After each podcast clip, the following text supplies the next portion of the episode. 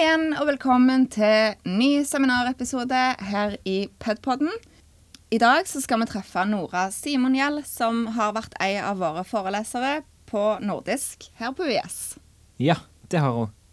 Ja, gleder du deg? Det er helt korrekt. Hun har det. Ja, Daniel òg her, som dere hører. Men Daniel, du, skal du være med nå etterpå? Altså Når vi nå forflytter oss fra dette studi studioet og over i studioet der vi sitter med, med Nora, blir du med da, eller hvordan fungerer det? Eh, det blir veldig vanskelig. Det, nå, nå, nå krasjer det ting i hodet mitt, fordi at du snakker om om jeg blir med, men den er jo allerede spilt inn. Nei, han er ikke, ikke Nei. nei, nei, ok, nei. nei men uh, jeg, eh, jeg har vært Jeg var på jobb. Nei, Jeg er på jobb. Skal på jobb. Jeg, jeg er ikke med. Daniel er litt forvirra med tiden her, som dere hører. Men han skal på jobb, og så skal han komme tilbake igjen, og så skal vi spille en avslutning på den episoden. Ja. La oss få alle lytterne bak lyset.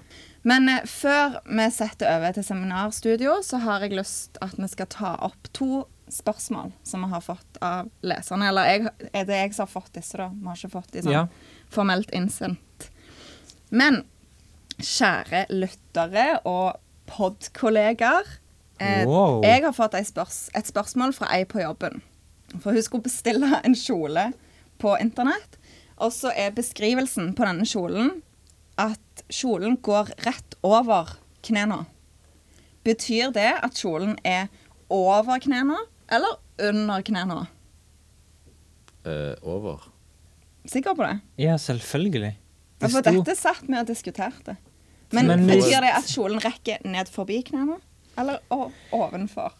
Ja, for du tenker at, at uh, hvis denne kjolen skal rekke ned forbi Mm. knærne, så er det fordi at du tenker at kjolen strekker over yeah. knærne. Men vi tenkte motsatt, at, stol, eh, at, at eh, kjolen kom ovenfor. Mm, det, er sånn, Eller det er sånn jeg òg tenker. Overfor. Ja. Ikke ovenfor, men overfor Ja. knærne. Ja. Ja, det. Men, men fins ikke noe bilder på internett når du bestiller kjoler? Nei, fordi det, dette var på sånn brukt app, så vi var veldig usikre. Så Eh, ja. Jeg klarer ikke å Jeg har ikke kapasitet og jeg, Altså, det er jo over knærne. Knærne. Altså på oversiden av knærne. ja. Ja, det er logisk Altså, for meg òg. Ja. Ja. Men det var veldig vanskelig for henne å vite. Men til vår lytter så vil jeg bare si at um, ta kontakt med selgeren og så spør går denne kjolen over eller under kneparti. Men når selgeren er ganske mye høyere enn hun som skulle kjøpe kjolen, Oh, ja. da er det òg et problem. Da kan det jo, da kan det jo faktisk være at det er en fotsidekjole, hvis den personen er megahøy. Ja. Ikke megahøy, men Sånn, høyere. Iallfall ti et centimeter svært fjell. Mm. Men har du noen gang bestilt mye? Altså bestillertøy på internett generelt sett? Eh, nei, Nei. gjør ikke det. Nei, ikke heller. Jeg, jeg bestiller litt på internett, faktisk. Å ja. Ja. Jeg shopper litt på Zalando. Men ikke mye. Men av og til. ja. Jeg bestiller ting på typisk sånn uh, morsomme sokker bestiller jeg på eBay. Det Ja. anbefales. Du du er en mann som går med morsomme sokker. Ja, og faktisk, sånn faktisk. Daniel, jeg fant forskning her forrige uke som sa at menn som gikk med såkalt funny socks, var mer kreative og suksessfulle enn menn som ikke gjorde det.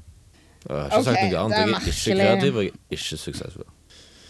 Men eh, det andre spørsmålet som har kommet inn, eller det er ikke egentlig et spørsmål, det er mer en greie som skjer, som ei venninne av meg ønska at vi skulle diskutere.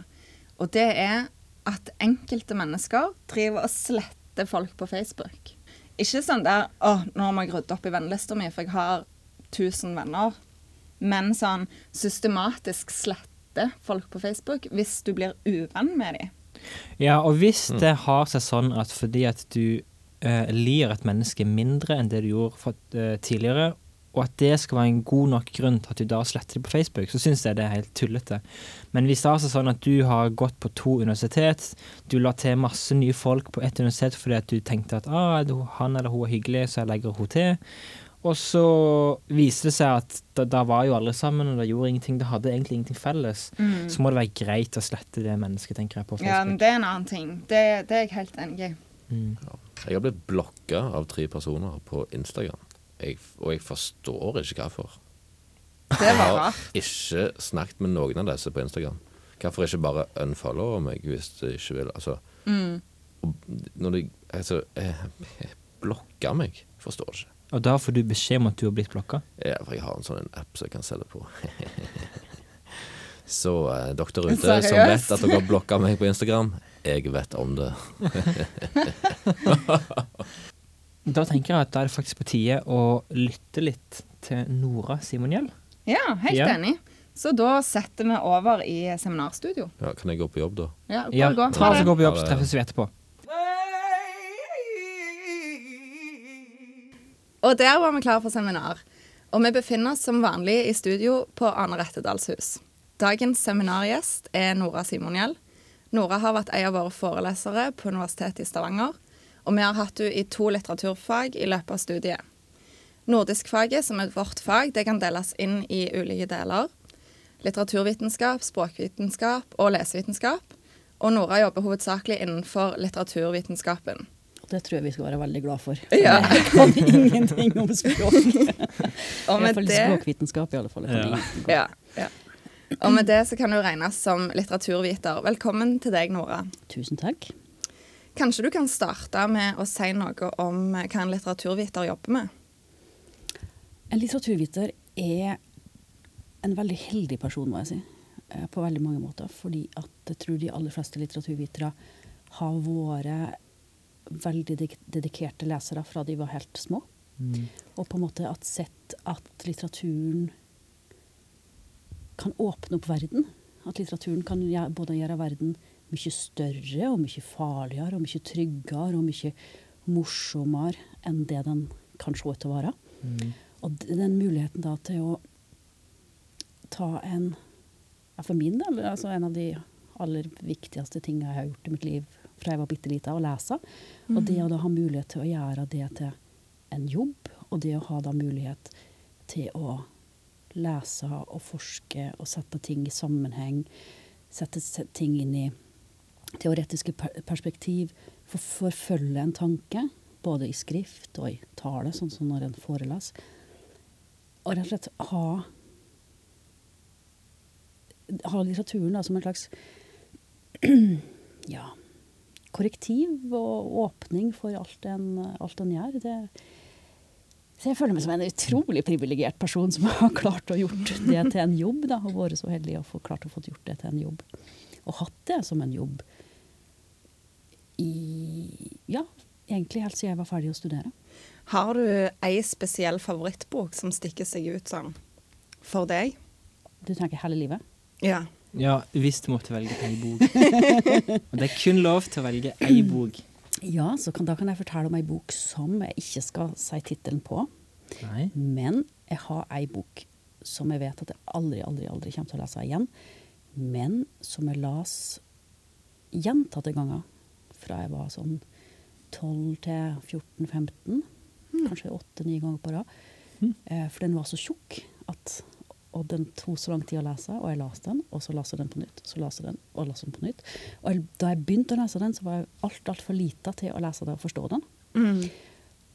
Og når jeg nå ser på hvilken bok det var, så vet jeg at jeg har ikke lyst å se tilbake, og jeg vil ikke lese den på nytt. For at jeg vil ikke bli minnet på hva jeg var så fascinert av. OK. Ja. Det er litt uh, interessant, da. Ja. Så det er, men den, den boka har jeg hjemme i, på gården der jeg vokste opp. Og den, det eksemplaret, det har ingen rygg. Det har så mange flekker, og det har så mange løse sider, og det har så mange brune papir, og det har så masse Men det har ingen understrekelser. Nei. Den har ingen bretta uh, papir, eh, øre og sånn. For det var før jeg skjønte at det var lov å skrive i bøkene. Ja. Mhm. Ja. Dette var en bok som du leste på nytt og på nytt og på nytt, men som du har, du har helt slutta å lese. Ja, jeg kommer aldri til å lese den igjen. Du kommer aldri til å lese den igjen. Nei. Det er litt kult. jeg, kommer heller heller aldri til å fortelle hva slags bok det er. Men, eh, men den var veldig viktig for meg. Mm. Ja. Men du sier at du har lest masse litteratur helt siden du var liten. Mm. Og da er det naturlig å snakke om litteratursyn. Mm. Altså, Hvilket syn har du på litteratur? Hva, Hvilken funksjon tenker du at god litteratur bør ha og kan ha? Og det er jo det som er så fantastisk, at litteraturen kan virke og ha funksjon på utrolig mange forskjellige måter. For, I ulike situasjoner, for ulike folk. Men det er sånn grunnleggende sett så tror jeg at litteraturen kan åpne opp ting. Og åpne opp verden, åpne opp tanker. Gjøre verden større hvis du har behov for at den skal være større, og gjøre den mindre hvis du har behov for å gjøre den mindre. Um, du kan underholde seg av du kan finne trøst hos dem, du kan, du kan få nye tanker. Du kan møte, møte tanker og sider av deg sjøl som du ikke tror du har, eller ikke vil ha, eller ikke tør ha. Mm. Altså, du kan se ting i litteraturen som du ikke kan møte på andre plasser eller på andre måter, som da kanskje gjør at du forhåpentligvis får en ny tanke. Mm. Forhåpentligvis ser noe nytt. Kanskje begynner å ta det sjøl på alvor på en annen måte enn før. Ta andre på alvor. Kanskje du får revurdert et syn som du har, Mm. eller en fordom som du har. Eller at du, gjør, at du blir oppmerksom på at ja, men det her er en blind flekk i min kunnskap, eller det her er en blind flekk i den måten jeg ser verden på, eller måten jeg ser mine omgivelser, eller måten jeg forstår historien på, eller måten jeg tenker rundt det ene eller andre. Så det, og det er derfor det er så viktig å lese bredt. At en ikke bare leser de tingene som en liker, og de tingene som en tror en liker, men at en utfordrer seg både i forhold til å lese forfattere en ikke kjenner, Mm. sjangre en ikke kjenner, um, tekster som en Altså Det er ingenting som gjør meg så nysgjerrig som når alle prater negativt om en roman. Da tenker jeg, da, må det Ja, da må du i alle fall lese den boka. ja, da, må, da, er, da ligger det noen ting der som jeg tenker at Ja, hva er det, hva er det som, er, hva er det som provoserer så fort, eller så sterkt i den boka? Mm. Men hvis du går typisk ned på Narvesen Mhm. og ser på bøkene som blir solgt på Narvesen, Så blir ofte veldig trist. ja. Ja. da blir jeg Mm. også veldig Mm. trist. For hva er det folk leser? De leser bøker der det er roser på framsida, og det er en sånn port der det er masse sånn eh, blomster rundt, og så er tenker jeg bare dette er for ei dame som er 50 år, og som skal sitte hjemme med en ko kopp te, og så skal hun lese den boka. tenker jeg, Du leser kun for å bli underholdt. ja, eller drømming. Altså, En skal ikke se bort ifra at litteraturen har en veldig viktig funksjon som å åpne opp en drøm, eller ta, fungere som en tankeflukt. Og en skal ikke se bort ifra at, å undervurdere den type litteratur, og at den type litteratur er viktig. Nei, nei, nei. For nå prater vi jo om bøker med eh, cover der eh, kvinne i lang kjole avbildet bakfra ser inn mot en Ja, Ja, mot, en, ja. mot et nytt liv. Ja. Ja. Sant? Og, og og det, er, det er viktige bøker for mange lesere, men det betyr ikke at det er den viktige litteraturen. Nei. For, sånn, Mm. sant? for den viktige litteraturen er altså for Hvis du leser litteratur som for å, bare for å drømme, eller for å få bekrefta et syn, eller bekrefte en drøm, eller stette et behov, så innskrenker du litteraturens rom. Mm. Da leser du for å ja, holde fast ved det du har. Altså, og jeg tror at den gode litteraturen og den gode Altså den gode teksten, den, den er ikke så snill. Nei. For Den Mm. gode litteraturen krever det på en annen måte. Den gode litteraturen gjør at du nettopp får en utfordring, eller at, du, at du, det skjer en forskyvning i blikket ditt, eller at det skjer en at du blir, sånn, Med forskyvning så mener jeg både at du kan bli provosert, eller at du kan få ja, At du blir, kan bli irritert, eller at du kan bli sint, eller at du kan bli eh, Også le så masse at du detter av stolen, hva jeg tenkte å si. Men at det skjer et eller annet med tanken din. da. Ja. Eh, Ja. For da blir du utfordra Du som blir leser, utfordret. og det er det viktigste, Og det er tenker det. Og det er det den viktige litteraturen gjør, og det er den Ja. gode litteraturen som gjør det. Mm. Ja, absolutt. Og et eksempel på det altså Jeg er jo oppvokst eh, med to lærerforeldre som alltid har lest veldig mye. Mm. Og jeg har gjentatte ganger hørt at begge to har sagt sånn Å, den, den romanen er grusom å lese, men de klarer ikke å legge den vekk. sånn. De må fullføre. Men det er mentalt krevende, fordi at de temaene i noen av de gode tekstene kan jo være så dystre og tunge. Men du ser jo allikevel at eh, de har vært veldig fascinert når de har lest det. Mm. Mm. Og så er det jo på en måte det her da at du kan Altså du blir ført inn i en verden som lign, ikke ligner på din. Ja. Sant? Mm. Eller at den kanskje ligner på, en måte, på din på en måte som gjør at du blir utfordra i den Ja. måten du ser din egen på. Og det, er en form, det kan være et krevende møte. Og det kan skje i både Altså i alle typer sjangre, selvfølgelig, men også like mye kanskje i klassisk litteratur eller eldre tekster, og ikke nødvendigvis i samtidslitteraturen. Mm. Um, altså selvfølgelig skjer det i samtidslitteraturen òg, men jeg tenker at det er viktig å lese, lese bredt. da. Både, Mm. både sjangermessig og også historisk. Og ta fram igjen Sjøl om jeg nå har sagt at jeg alle kommer til å lese igjen den, den boka som var så viktig for meg, så, så er det noe med at når en leser igjen da, ting som man har lest før, så møter en jo ikke bare den gamle teksten, men en møter jo også hvem en sjøl var da en las f.eks. Mm. 'Fuglene' første gang. Ja. Leser du ofte, eller alltid, kanskje bøkene på nytt? For jeg leser, jeg må ærlig innrømme at jeg leser bøker sjelden to ganger. Altså, Og så skriver jeg heller så en, Jeg noterer også ganske lite når jeg leser, for jeg leser og så får jeg sånn flyt. Sant? Mm. Mm, Og når du først har oppnådd flyt som leser, så kan du bare fortsette og fortsette og fortsette. mm. Det tenker jeg er viktig. Ja, sant? Og den flyten, flyten er viktig for på en måte å bli kjent med verket. Ja. Uh, men jeg har en gang en litteraturprofessor som sa på en forelesning, og det har jeg Han sa veldig mange kloke ting, og, men han sa bl.a. at en bør egentlig aldri uttale seg om et verk før en har lest det sju ganger. Sju ganger? Oi! Wow. Syv ganger. Ja vel, da skulle jeg bare Ja. Jeg tror jeg Da har kan jeg noen. Jeg tror jeg har noen tekster jeg har lest uh, flere ganger, men det er ikke mange, altså. Nei. Men jeg er litt omvendt fra Gunvald at uh, hvis jeg skal skikkelig sette meg inn i en tekst, da må jeg notere underveis. Men det er gjerne bare på mobilen. Mens Ja, jeg eh, hvis jeg leser bare ganger. for stimuli, Ja. da noterer jeg ikke. Han samme, da, professoren som sa det her med de sju ganger, han sa at uh, dere sitter her fordi at dere er litteratur, eller lidenskapelig opptatt av litteraturen. Men skal du bli en god litteraturviter, så må du klare å kombinere lidenskapen med vitenskapen. Mm. Mm. Og det har blitt så veldig viktig for meg. Ja. Å bare prøve å holde det oppe. Mm. Eh, altså kombinere lidenskapen med, med vitenskapen.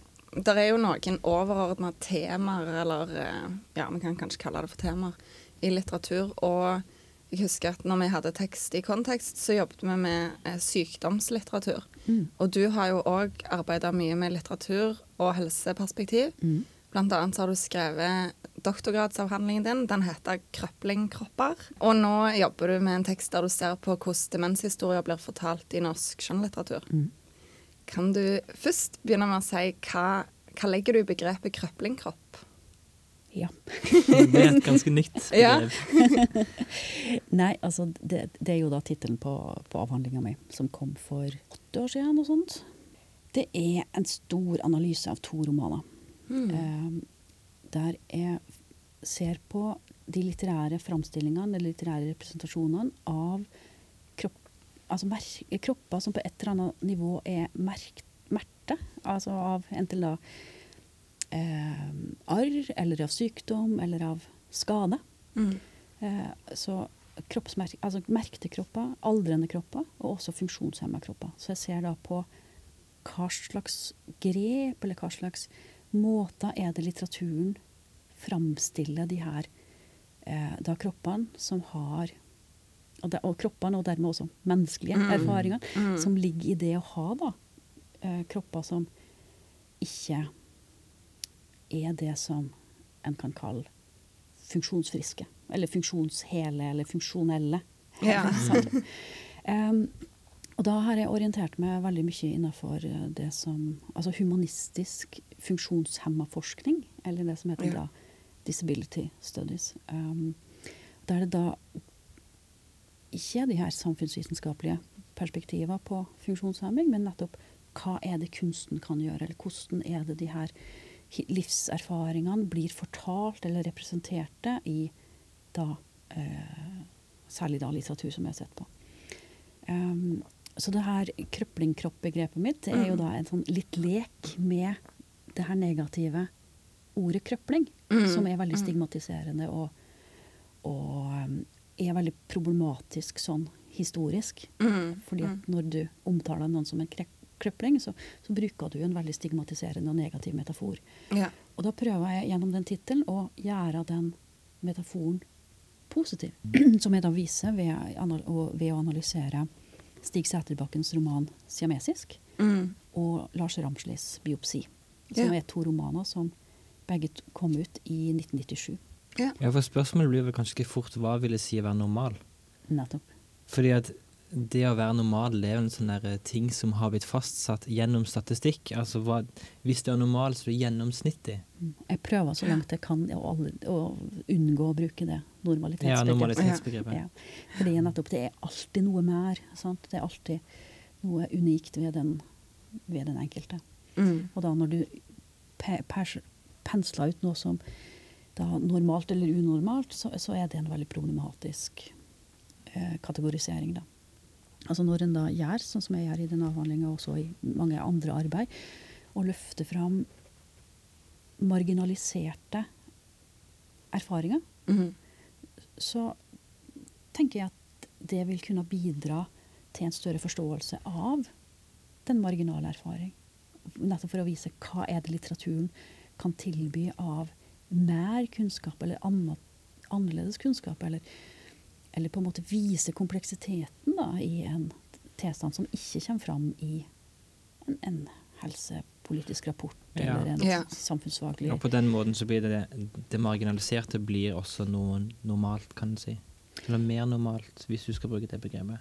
Fordi Ja, det blir belyst. Ja, det blir i hvert fall synliggjort. Ja. Altså, og Den synliggjøringa syns jeg er, er viktig å bidra med. Og der tror jeg også nettopp at litteraturen kan da gi, eller bidra til større forståelse. Mm.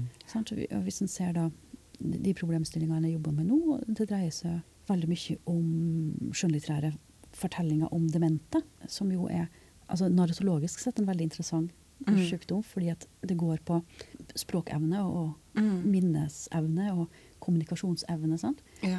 Eh, Så hvordan da bruker litteraturen sine grep til å skape en ny verden fra ingenting?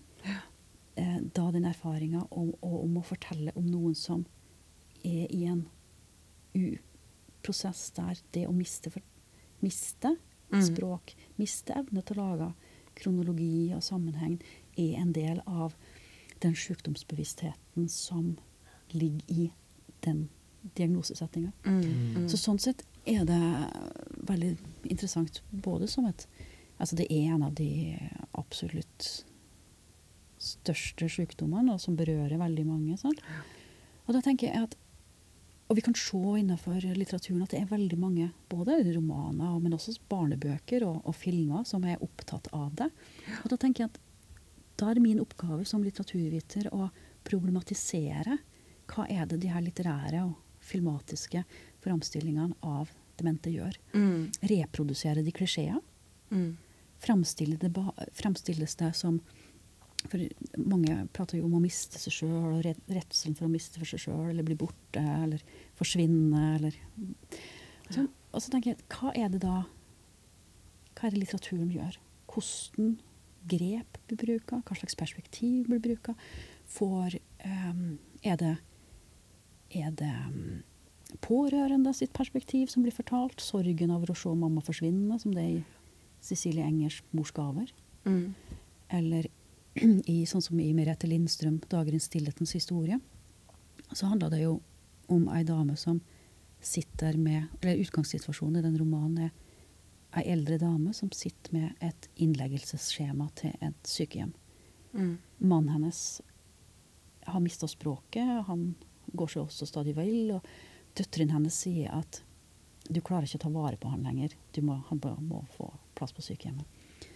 Og så, hva, så sitter denne dama da og reflekterer, hva vil jeg gjøre, hva slags, hva slags handling gjør jeg hvis jeg skriver under det skjemaet? Mm. Sånn? Og dermed så reiser romanen sånne omsorgsetiske spørsmål. Mm. Altså, sånn, Hva, hva er god omsorg? Hva er rett å gjøre? Hva er ikke rett å gjøre? Som da angår veldig mange i vår samtid. Mm. Ja. Og dermed så ser vi at litteraturen kan brukes da som et, ikke som et speil, men, men iallfall noe som kan belyse og problematisere og ikke minst perspektivere da eh, veldig dagsaktuelle spørsmål for veldig mange. Mm. Og, og da er vi inne på det her med litteraturens funksjon igjen. Mm.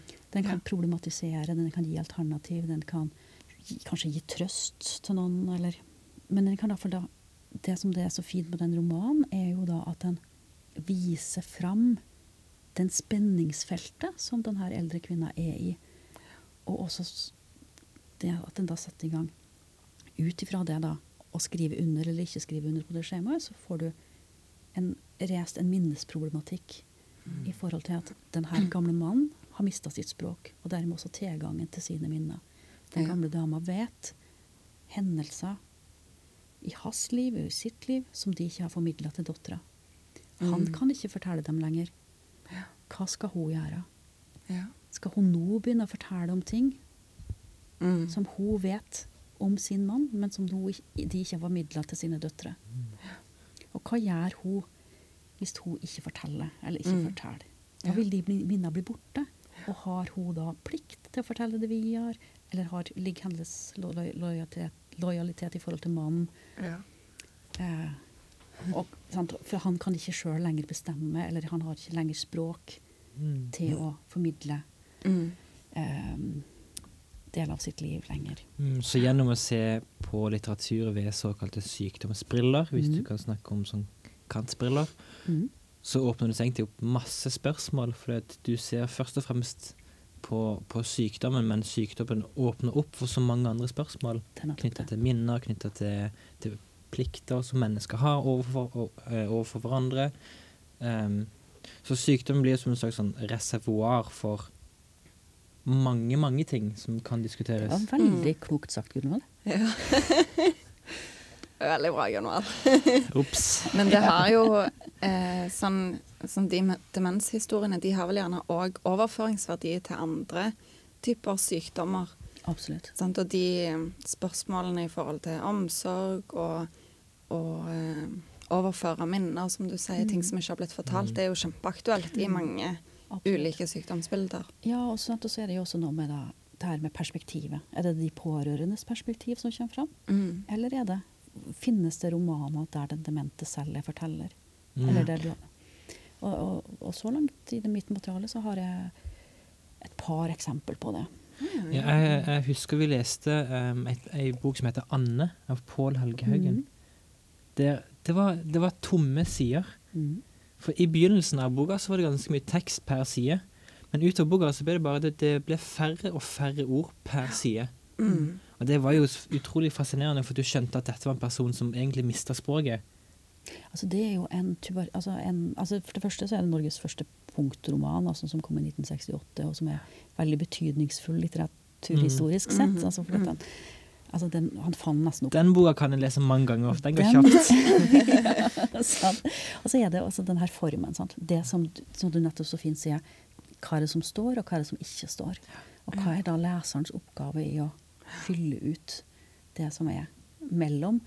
Eh, og, og det som er så interessant med Haugens bok, er jo også at han den er så polyfjon, eller altså det er så mange ulike stemmer som gir tilgang til historier. Mm. Altså det er både lyriske tekster, det er episke tekster, det er utdrag fra en kirkebok, det er mm. veldig mange forskjellige tekster som blir satt i spill da, og satt opp mot hverandre, og som blir en slags sånn flerstemmig tilgang til den her um, ja, hovedpersonen Anne, som er sentralfiguren, og som på en måte den får da den her tuberkuloseerfaringa, og også historiske portrettet av en, av en, av en tid og en sykdom som, som i dag ikke er den som var, er en del av vår bevissthet, men som var Mm. en veldig stor del av veldig manges bevissthet rundt 1900. Sant? Ja. Kan vi snakke om en annen bok som heter 'En dåre fri'? For du snakker om dette om flerstemmighet, at det Mm. finnes flere stemmer som på en måte jobber sammen eh, mot det samme temaet i ei bok. Mm. Og det må vel absolutt karakteriseres eh, som å være sant innenfor 'En dåre fri' av eh, Beate Grimsrud. Mm. For der treffer vi et menneske som heter Eli. Hun er i 40-årsalderen. Hun er forfatter, hun er filmskaper, hun er prisvinner. Men så er hun samtidig psykiatrisk pasient. Det er sånn dobbelthet som Mm. oppstår veldig kjapt i boka. Eh, og dette med stemmer, for at vi blir også introdusert til fire andre personer. Espen, Erik, Emil og Auguen. Eugen. Eugen. Ja. Ah, ja, det hørtes mye finere ut. Ja. Og, de, ja, og disse, det, det, det er fire stemmer som Eli hele veien går og hører på. Mm. Mm. Vil du si at en, en sånn framstilling der du har fire stemmer, som egentlig er én, Mm. hvordan, hvordan funksjon får, får fire stemmer opp mot ett tematisk felt? Altså, det her er jo eh, da en bok som kom i 2010. Mm. Den her fortelleren som vi møter, jeg-fortelleren som vi møter i En dåre fri, hun er ikke bare Eli, men hun, har, hun er også alle de her andre personlighetene i sitt sinn. Mm. Så det er én kropp, men med da fem ulike karakterer, Mhm. karakterer og identiteter. Og det som er så interessant med denne romanen, her er jo at vi ser hvordan de ulike personlighetene har sitt uttrykk og har sitt språk og har sin måte å handling, handle mot det, og hvordan da det her jeget rommer de alle. Eller hvordan denne her kroppen rommer de alle. Mm. Og, og, og ser på hvordan da ja, De har også hver sin, hver sin identitet, hver sin historie, hver, slags, hver, hver sin eh, måte å være i verden på, og hvordan da den her hovedpersonen som Beate Grimsrud virkelig kjempa med å både anerkjenne de og forstå de som en del av seg, men også kjempa med å være en person som da har den her veldig komplekse, fragmenterte sinnet. Ja, jeg husker spesielt den passasje der hun sitter i et, jeg tror det er et klasserom, og så sier hun at um, Aug, eh, Eugen-delen av meg, han, han sitter nå på første rad, han er fin, han ser veldig flott ut, mens, eh, mens eh, Emil, eller hva det den, den andre karakter av Eli, han sitter samtidig nå. Har du mine gamle Ja, gamle forelesningsnotater. Ja. Han sitter bak oss i klasserommet og er rampete, og Ja. han følger ikke med. Nei. Men så sier plutselig at så kommer to andre karakterer, som også er hun sjøl, inn i rommet, og på en måte blir en annen del av Eli. Mm. Så på det, i, i ett og samme øyeblikk så opplever hun, hun Eli at hun er fire personer. Mm. Det må være voldsomt eh, Ja.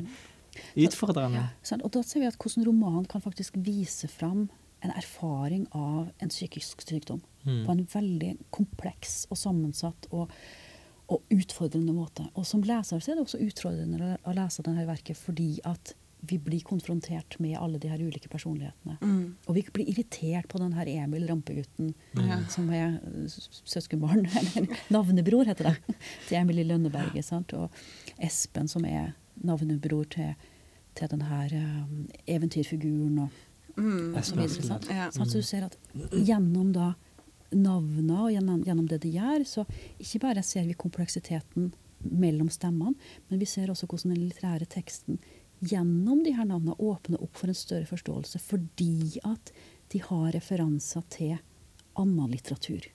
Mm. Sånn, Og vi forstår det Emil gjør, som i Grimstuds roman, også litt i bak bakteppet med hvordan vi husker Emilie Lønneberget, Ja. Lindgrens verk. Og vi forstår Espen-karakteren i litt i lys av hvordan vi tenker rundt Espen Askeladd i, i eventyret. Og, og, og også de andre karakterene. Og så ser vi at det er ikke bare at enkelte romanen er kompleks i seg sjøl, men den åpner opp for den her flerstemmigheten i teksten, men også flerstemmigheten og intertekstualiteten med det her store bakteppet av annen litteratur. Ja, jeg har funnet et veldig fint sitat fra denne boka som jeg syns um, eh, tematiserer psykisk sykdom ganske fint. um, og sitatet går som følger. Verden er fylt av mennesker, men ingen jeg kan fortelle til. Man lever i samme luft, men er helt alene inne i sin egen kropp, som en ballong. Luft utenfor og luft innenfor det tynne skallet som kan sprekke. Det er bare å styre unna for nålen som hele tiden truer, som vil at det en dag bare skal si poff. Mm, Det var et veldig flott sitat. Ja, og det, det forteller ganske mye om at um, For vi har snakket noe om, om dobbelthet i hos sitt liv, og hun, gjennom det sitatet her kommer det veldig tydelig fram at hun forstår seg sjøl som som egentlig utafor verden. Mm. At verden det er bare et stort rom som bare hele veien skal true henne. Mm. Mm. Og så skal på en måte stikke hullet på den tynne tynne ballongen som hun er liksom, som er metaforen for Eli. Mm. Det som også er litt interessant i denne romanen, her, da, er jo også at den spiller så på tidligere verk av Beate Grimsrud. Ja, At det er flere, altså Når du har det, leser forfatterskapet hennes i sammenheng, så vil en også se at karakterene eller li, karakterer som ligner på hverandre, går igjen fra verk til verk. mm. Så at du både har den der in intertekstualiteten til Mm, mm. litteraturen som det store litterære omverden, men så har du også en intratekstualitet som går da innad i forfatterskapet, og dermed også belyser hverandre. Mm. Men også veldig er jo denne boka her krevende å lese. Ja, ja jeg, jeg husker det fra når vi leste den, at jeg, jeg leste sikkert midt i romanen. Eh, så satt jeg på et fly og skulle lese. Da måtte jeg bare legge den vekk, for jeg kjente at sånn, jeg har litt flyskrekk. Mm. Så jeg er ikke helt mentalt på plass. Så tenkte jeg nå klarer jeg ikke å lese dette. Det blir for uh, utfordrende. Det å lese på fly, det er det beste trivet. Ja, jeg liker å Jeg lese på og Jeg leste på fly i går. Det var, ja, jeg satt og leste den nyeste boka til Maja, eh, Maja Lunde. Å ja. mhm. Ja, og på slutten der, jeg holdt på å grine. Men jeg satt på fly, så jeg, ja, jeg tok meg i det. Jeg kan ikke sitte og sippe på et fly. Jo, du kan sitte og sitte på fly. Det er mange som gjør det, faktisk. Ja, det er mange som gjør det. Um, Men er ikke, er, ikke det helt litt, er ikke det også litt fint, da? At du må tenke at at du må ta det litt sammen? At teksten jo, jeg måtte ta meg sammen. Ja, altså sånn Helt alvorlig, jeg måtte ta meg sammen for ikke å begynne å grine på fly i går kveld. Ja. Ja, det er jo fantastisk ved litteratur at du kan sitte på ett sted og sende ut et helt annet sted samtidig. ja. Ja. Det er kjempefint. Kan jeg bare spørre et siste spørsmål om en dårlig Fri? Ja. For at hun Eli hun er så av og på hele veien. Hun, er, hun sier at hun er gal Mm. i eh, et øyeblikk, og så er hun normal plutselig. Mm. Så gutt og så jente. Så er hun gutt, og så er hun jente, så har hun plutselig full kontroll. Hun er jo prisvinner og egentlig veldig suksessfull. Men så, i det neste kapittelet, så er det fullt kaos. Da kan hun ikke gå inn på rommet sitt fordi at veggene liksom bare faller mot henne. Mm. Er det et sånn typisk trekk ved sykdomslitteratur som sådan at det finnes så mange ytterpunkter? Fordi at det er, det er, det er mennesker som, som opplever verden veldig sånn Kanskje on and off. De er veldig gode noen dager, og så plutselig så faller de tilbake igjen til å være veldig ustabile. Uh, det er jo umulig egentlig å svare på det spørsmålet ditt, men, men iallfall litteratur med, som har omhandla psykisk sykdom, da, som dette verket her gjør, uh, framviser jo en ekstrem tilstand. Har vi noe mer vi vil snakke om, Gunvald? Uh, ja, en siste ting. Du Ja. er også lyriker, Nora. ja, Åssen forhold har du til dikt? Åh. Det var kanskje et altfor åpent spørsmål nå på slutten. Hva slags forhold har dette dikt? Mm.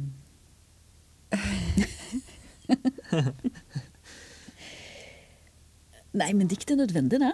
Altså um... Det var et bra svar. ja, ja, nei, men ja. Ehm, ja, men det er altså Du har lest en god del dikt, vet vi. For du, du har blitt redaktør for um, Norsk litterær årbok nå. Ja. Ja. Og i 2014 og 2015 så var det artikler på trykk der du hadde analysert litt det, det mm, året som gikk med dikt. mm. Da la seg alle Ja, sammen så du, ut. du leste alle dikt i 2013 og 2014 i Norge. Ja.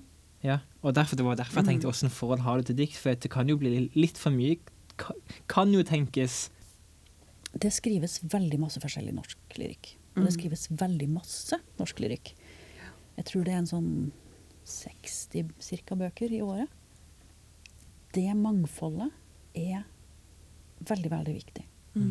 Fordi at det finnes så utrolig mange forskjellige måter å skrive dikt på. Det finnes så mange både innfallsvinkler og måter å bruke språket på. Og, og det som er veldig En tendens som, er, som har vært ganske tydelig de siste åra i norsk lyrikk, er at lyrikere går ut over språkkonvensjonene. De skriver ikke nynorsk eller bokmål lenger, men de skriver Kanskje på Erlind Nødtveit, som skriver da opp mot um, bergensdialekter. Du Mm. har Øyvind Rimbreid, som gjør det samme med Stavanger-språket, Mm. eller altså da det framtidsspråket som han laga i Solarisk korrigert. Mm. Um, du har noen um, Nå har jeg glemt hva han heter, men det er noen trønderske forfattere som gjør det samme. Du har Leif Høghaug som gjør det samme med Innlandsmålet Mm. i den uh, boka han ga ut noe tidligere i år. Så det er en sånn veldig vilje da, til å prøve, å presse språket og presse formen inn og ut av hva det skulle være. Uh, og nå, altså I år for eksempel, så kommer det flere sonettesamlinger. Altså Sonetten som er en så streng og rigid lyrisk form. Og så er det da Høghaug som da skriver det på eh, innlandsmål. Og så har du en, en bok som kom ut på Flamme nå tidligere i år, som jeg har glemt Jeg har dessverre glemt forfatteren, men boka heter 'Sonetter'. Ja. Eller 'Sonetter' med Z. Og den, og den henger sammen. det er på en måte, Du kan begynne å lese både framafra og bakafra. For det er på en måte to hefter som er satt sammen i ei bok. Mm. Den er svart. ene sida heter dyret, andre sida heter mennesket. Og så er det på en måte noe om da hvordan eh, Åssen de to delene sammen Hvordan de- ja. så- altså kobles sammen. Hvordan det kobles sammen. Eh, da i i ehm, Jeg tror det er, fire, altså er det 24 pluss 24 sonetter, eller er det 12 pluss 12? Altså jeg husker ikke. Jo, 24 pluss 24 sonetter. Med en sånn fantastisk sånn språklig overskudd og, og formmessig overskudd. Og den boka er helt svart, og tekstene står på, med hvitt skrift i denne boka, da, som du kan begynne å lese både framafra bakafra og opp og ned. Mm. Og det, det er også en sånn form for Jeg lurer på om det er en eller annen slags form, trøndersk variant han, han skriver på, han forfatteren. Mm. Uh, og så har du noen forfattere som og Også en bok som er kommet i år, som heter 'Eselet og brødet'. Som er, Eselet og brødet. ja, Mm. som, som er Den ble lofta fram nå som en av de viktigste bøkene i, i, i år. Og det kan jeg skrive under på. Og det er fotografi og kollasj og um, rabler og, skr og skrummel, vet jeg helt å si. Og veldig masse lek, veldig masse humor, veldig masse overskudd. Uh, en hel form for total fandenivoldskhet i forhold til både boka som medium og språket og hva er Altså det er på en måte slik at det uskjønne eller det rabulistiske Altså diktet kan romme alt, da. Fra Ja. det helt sånn snirklete, formfullendte til det eh, den her halvnakne, halvfeite mannen i eselet og brødet med, med, med sånn eh, kamp... eh, eh, hva heter det? Wrestlingmaske. Å ja. ja. Mm. Sant? Så, så, så poesien er mellom der. Mm. Fra sonetten til wrestlingmasken. Mm. Via dialekt og Mm. alt mulig slags språk. Og det er det som er litt av det fantastiske med, med diktsjangeren, og det er også det som er det litt fantastiske med litteraturen som sådan. Så Ja. kan- Jeg syns Det- sm smådikt det er det fineste. Mm. Det er akkurat som sånn fotografi, tenker jeg. Du får liksom, har du, Hvis du eksempel tar og leser dikt til Fosse, Mm. de er kjempesmå, men så sier de så utrolig mye. Og så ser du et bilde eh, egentlig mens du leser, så ser du noe for deg helt tydelig. Kanskje du ønsker deg en haiku-samling til jul? Kanskje skulle du ønske meg en haikusamling til jul? Kanskje. Kanskje det er det du gjør? Men har du, har du et eh, favorittdikt? Ai. Nei. Ugledikt. Uglediktet hadde Karin sagt. Arild Nyquist. Nei, jeg vet ikke. Altså, jeg, kan ikke jeg kan ikke løfte fram noe sånt. Altså. Men det er veldig flott dikt. Det, det, det. ja. Mm. Men det er et, en fragment av en gresk dikter som jeg har tenkt veldig masse på. Det er Arkyholokos. Mm. Og det er en- i Svein Jarvolds oversetting. Kom for Jeg tror det var Svein Jarvold. Iallfall kom for mange år siden. Men der er det en klammeparentes, Mm. og så står det E KTE. EKTE. Altså ekte. Ja. Og det har jeg tenkt veldig masse på. Ja. Hvorfor han har Altså, hva- satt opp et sånt klammeparentes som Ja, hva, ekte hva, er, etterpå? hva, er det, altså, hva er det med denne klammen? Og hva er det med den som er, hva er det som er hva er det som er det ekte? Og hva, Mm. Ja. hvorfor hva er det bare den ene delen av klammeparentesen og ikke den andre? Å ja. Ja. Sånn, Og da er vi på de små dikta, på de små nyansene og de små Ja, nå er du på Ja. veldig sånn Men det er mye, mye av det er jo Det jeg syns er interessant i dikt, er jo sånne små detaljer. Mm. Små grep. Hvorfor de blir gjort, og hva de Men det er en, veldig sånn annen tydelig tendens innenfor norsk lyrikk nå at uh, for det første blir diktsamlingene veldig tjukke. Altså Mm. diktsamlinger på en sånn 80-90-120 sider. Men også at diktet i seg sjøl er veldig langt. Mm. kan se på det her nye diktsam- diktsamlinga til Øyvind Rimber her, som heter Lenis Ja, jeg- plasser. Lenis plasser. Ja. Mm. Det er jo ett dikt på en sånn 70-80 sider. Ja, han skriver oss ett dikt et alle dikt, ganger. Han, ja. Sånn, sånn at det er ikke en, altså Diktsamlinga er, blir sett på som ett dikt. Mm. Så det er liksom Langdiktet er veldig inn og veldig Eller veldig En sjanger som veldig mange lyrikere eh, jobber med for tida. Da. Og det er jo interessant eh, Mm. hvis en sammenligner med f.eks. begynnelsen av 90-tallet, der det var den veldig minimalistiske Mm, mm. eh, som, som dominerte. Er vi med veis ende nå, kanskje? ja, jeg tror det. Ja. Har du noe mer du vil tilføye? Nora? Det var veldig kjekt å være her. Ja. det var veldig kjekt å være her. Og vi har jo prata om utrolig masse ting. ja. Um, så les dikt. Ja, og det har vært veldig kjekt å ha deg her, da. Det, vi har jo hatt planer om å få deg inn i seminarepisoder helt siden vi begynte. Det var sånn Nora, hun må vi få inn.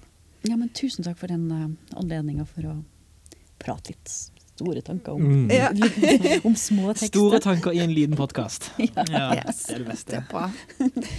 Men da sier vi tusen takk, og så setter vi over igjen til studio. Ja, da er vi tilbake igjen i studio, og vi har hørt eh, Nora Simoniel. Hun snakket om uh, en hel del ting. Vi skal masse greier. Ja, men, det var eh, en god podkast, Trine. Ja, jeg er veldig fornøyd. Har god følelse. Og ja, det var veldig koselig. Ja, og ut av intet så sitter Daniel her fortsatt. Ja. Nei, fortsatt. Jeg har vært på jobb, jeg. Jeg kom jo nettopp tilbake. Hva som var på jobb. Eh, Det var, det var greit. Ja, det var jo fornuftig bruk av tida, det må en si. I tillegg, ja. Ja, det er viktig fikk- å tjene penger òg. Fikk kjeks av elevene mine. Nice. Oh. Vi òg spiste faktisk eh, julekaker her. Ja, vi spiste julekaker sammen med, med Nora Ja. etterpå. Ja, jeg har, har ikke spart noen til meg, så takk for det. I'm sorry. Ja. Men uh, skal vi bare ta oss og runde av? Ja. Det syns jeg vi skal gjøre. Som vanlig så finner dere oss på iTunes og Soundcloud, og følg oss på Instagram og Facebook. Og enn så lenge ha det gøy. Ha det gøy! Ha det gøy! Ha det gøy! Ha det gøy! Ha det gøy!